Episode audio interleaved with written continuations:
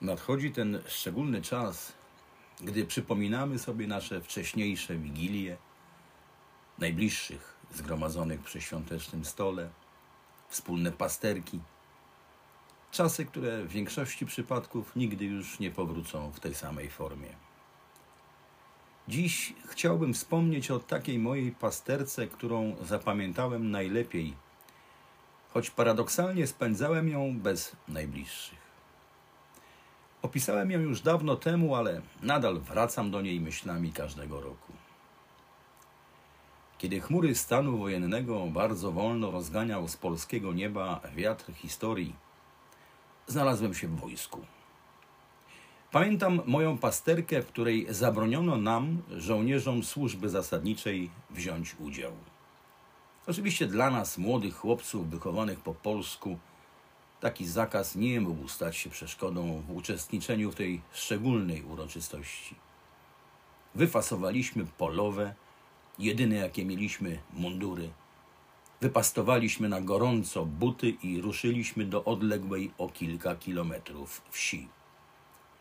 Część poszła na skróty po skutym lodem jeziorze, część przemykała polami, by spotkać się przed północą u stóp drewnianego, starego kościoła.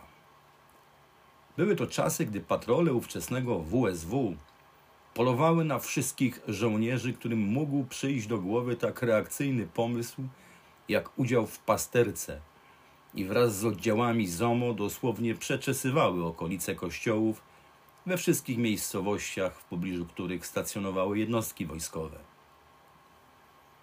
Wszyscy jednak dotarliśmy na miejsce, a była nas grupa w sile plutonu.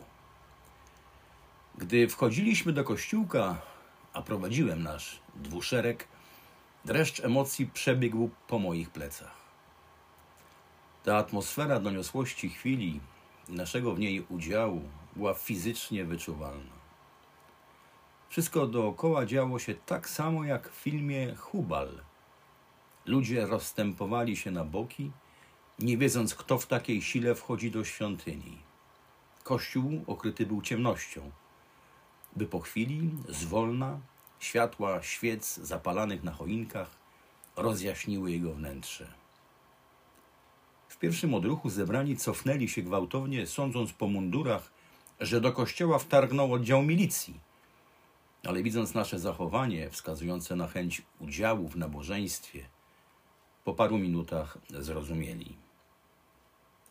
I była to moja najwspanialsza pasterka w życiu. A potem ta piękna postawa rodaków. Kiedy pasterka się kończyła, usłyszeliśmy szepty, że pod kościołem widziano WSW, a ksiądz kierujący końcowe słowa do nas wskazywał nam drogę przez zakrystię. Ale my wybraliśmy główne wyjście. Po tak wielkim uniesieniu, jakiego doznaliśmy w czasie tych kilkudziesięciu minut, wyjście tylnymi drzwiami nie byłoby honorem. Tłum ludzi otoczył nas szczelnym kordonem i wylał się z nami na drogę. Patrole zniknęły błyskawicznie. Już to widząc zwarty pluton, już to masę ludzką niosącą nas na zewnątrz. Pamiętam, że ludzie płakali. Jak wielkie emocje musiały towarzyszyć pasterce żołnierzy Polski walczącej w owych latach strasznego terroru i okupacji. Ale wierzyli, wierzyli i trwali. Nam też trzeba wiary. Dziś, u progu kolejnego roku, nie wolno nam o tym zapomnieć. Nawet w obliczu tragicznych przemian, których już doświadczamy, a może zwłaszcza w obliczu tych przemian. Wiem, że niełatwo jest wierzyć, kiedy trzęsą się posady naszego świata, a dramatyczne zmiany dokonują się nawet w łonie Kościoła katolickiego.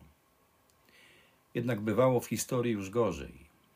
I Kościół przetrwał, a dzięki niemu nasza ojczyzna i wiara naszych przodków. Życzę Państwu spokojnych, i zdrowych świąt Bożego Narodzenia oraz lepszego Nowego Roku.